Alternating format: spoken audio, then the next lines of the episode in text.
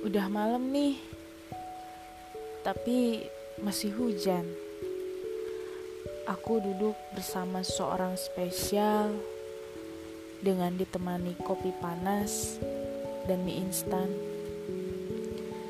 Kita menatap langit dan mendengarkan suara rintik hujan. Seolah menambah kesyahduan malam ini. Sepotong cerita tadi sore tentang harapan di masa depan menambah kehangatan di malam yang dingin ini. Ya, kita punya harapan yang sama di masa depan. Entah Tuhan mengabulkannya atau tidak, itu hanya rahasia Sang Pencipta. Tapi ngomong-ngomong, hujannya udah reda nih. Dia harus pulang. Sedih sih, cuman ya udah. Hati-hati di jalan ya.